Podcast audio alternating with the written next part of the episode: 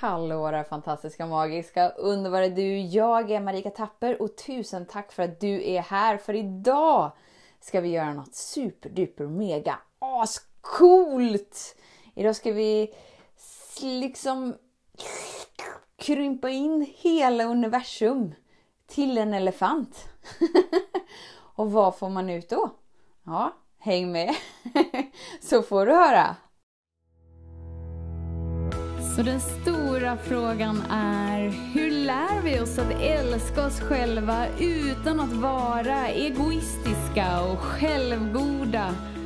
Det är frågan och denna podcast den kommer ge dig svaren på det och mycket mer. Mitt namn är Marika Tapper och varmt välkommen till Hemligheterna bakom att älska sig själv.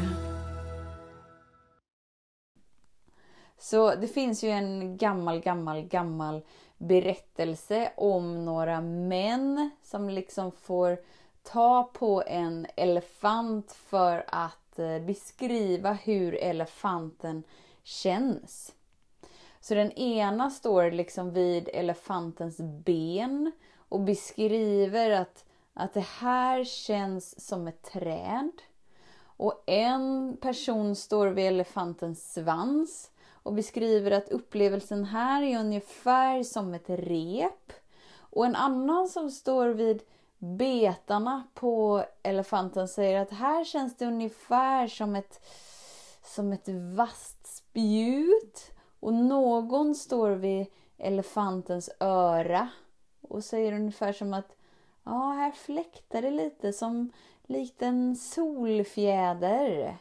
Och en sista person står liksom vid elefantens sida och beskriver upplevelsen som en vägg. Så vad det här med oss att göra?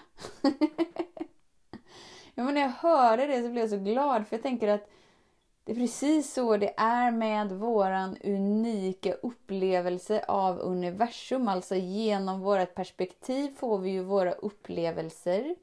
Och vi är så intrasslade i att vi har ett behov av att göra oss förstådda och kan inte förstå att min upplevelse inom mig är baserat på det jag har upplevt innan och liksom kan inte exakt förstås av någon annan.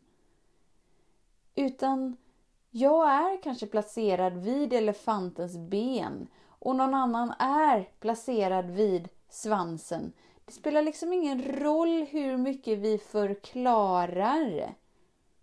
Vi kommer aldrig kunna närma oss exakt samma synsätt ändå. Så om du tänker dig liksom nästa gång du hamnar i, i en dispyt med någon eller att du bara så vill göra dig förstådd. Jag tänker om du bara kan få en symbol av en elefant framför dig. På riktigt. Alltså det skulle hjälpa dig så ofantligt. Och du bara så här, ja ah, men vänta nu. Ja, nu pratar vi om den där elefanten ja. Det var det här Marika försökte beskriva. Nu försöker jag göra mig förstådd fast jag står vid betarna och den jag pratar med står längs sidan och upplever att det är som en vägg. Alltså det finns inget rätt sätt det finns inget rätt perspektiv. Utan det finns olika perspektiv beroende på vad vi upplevt hittills. Alltså beroende på var du står på elefanten. Allt är helheten. Allt är helheten. Så det finns inga fel, det finns inga rätt, utan det finns bara olika sätt att beskriva och se genom och uppleva genom. Så när det blir mer verkligt och viktigt för dig att vara sann mot dig och din upplevelse. Snarare än att försöka liksom få din, ditt öra på elefanten att kännas som ett ben. Och då undrar jag, vad gör jag för fel? Det här, det här rör ju på sig, det här är inte något stabilt, det här är något som fladdrar. Jag förstår inte vad de pratar om men okej, okay, jag ska göra mitt bästa att försöka få till det att fungera som att Det här är något stabilt som man kan luta sig mot. Det är det vi gör hela tiden. Vi försöker göra om oss, göra till oss, förändra, fixa, laga.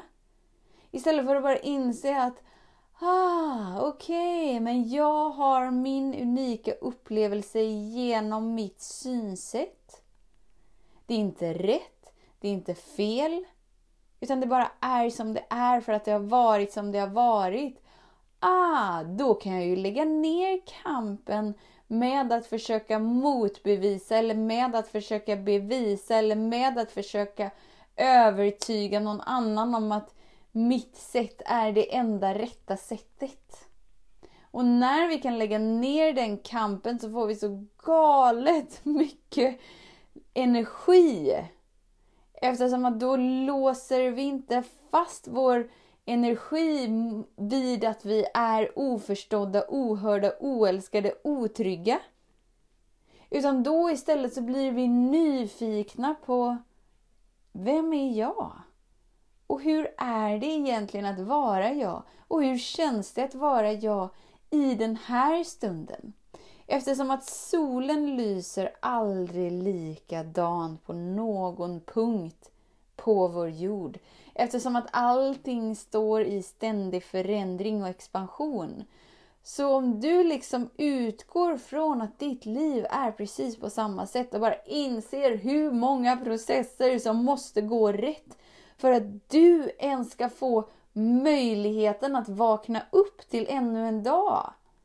Och när vi kan liksom vara tacksamma och nyfikna och upplevelsebaserade i den upplevelsen snarare än att bestämma oss för vad som är rätt och fel. Övertyga alla om att jag har rätt. Övertyga alla om att örat på elefanten är den enda delen som existerar på elefanten. Det är hela elefanten. det är det vi gör. Vi försöker motbevisa, vi försöker argumentera, vi försöker göra oss förstådda. Men vi står liksom och pratar med en vägg. För den vi pratar med står i svansen och håller och förstår inte vad du pratar med för de har inte tillgång till samma upplevelse. Och sen så vänder du dig mot någon annan och försöker få någon förståelse. Ja men de står ju vid betarna på elefanten.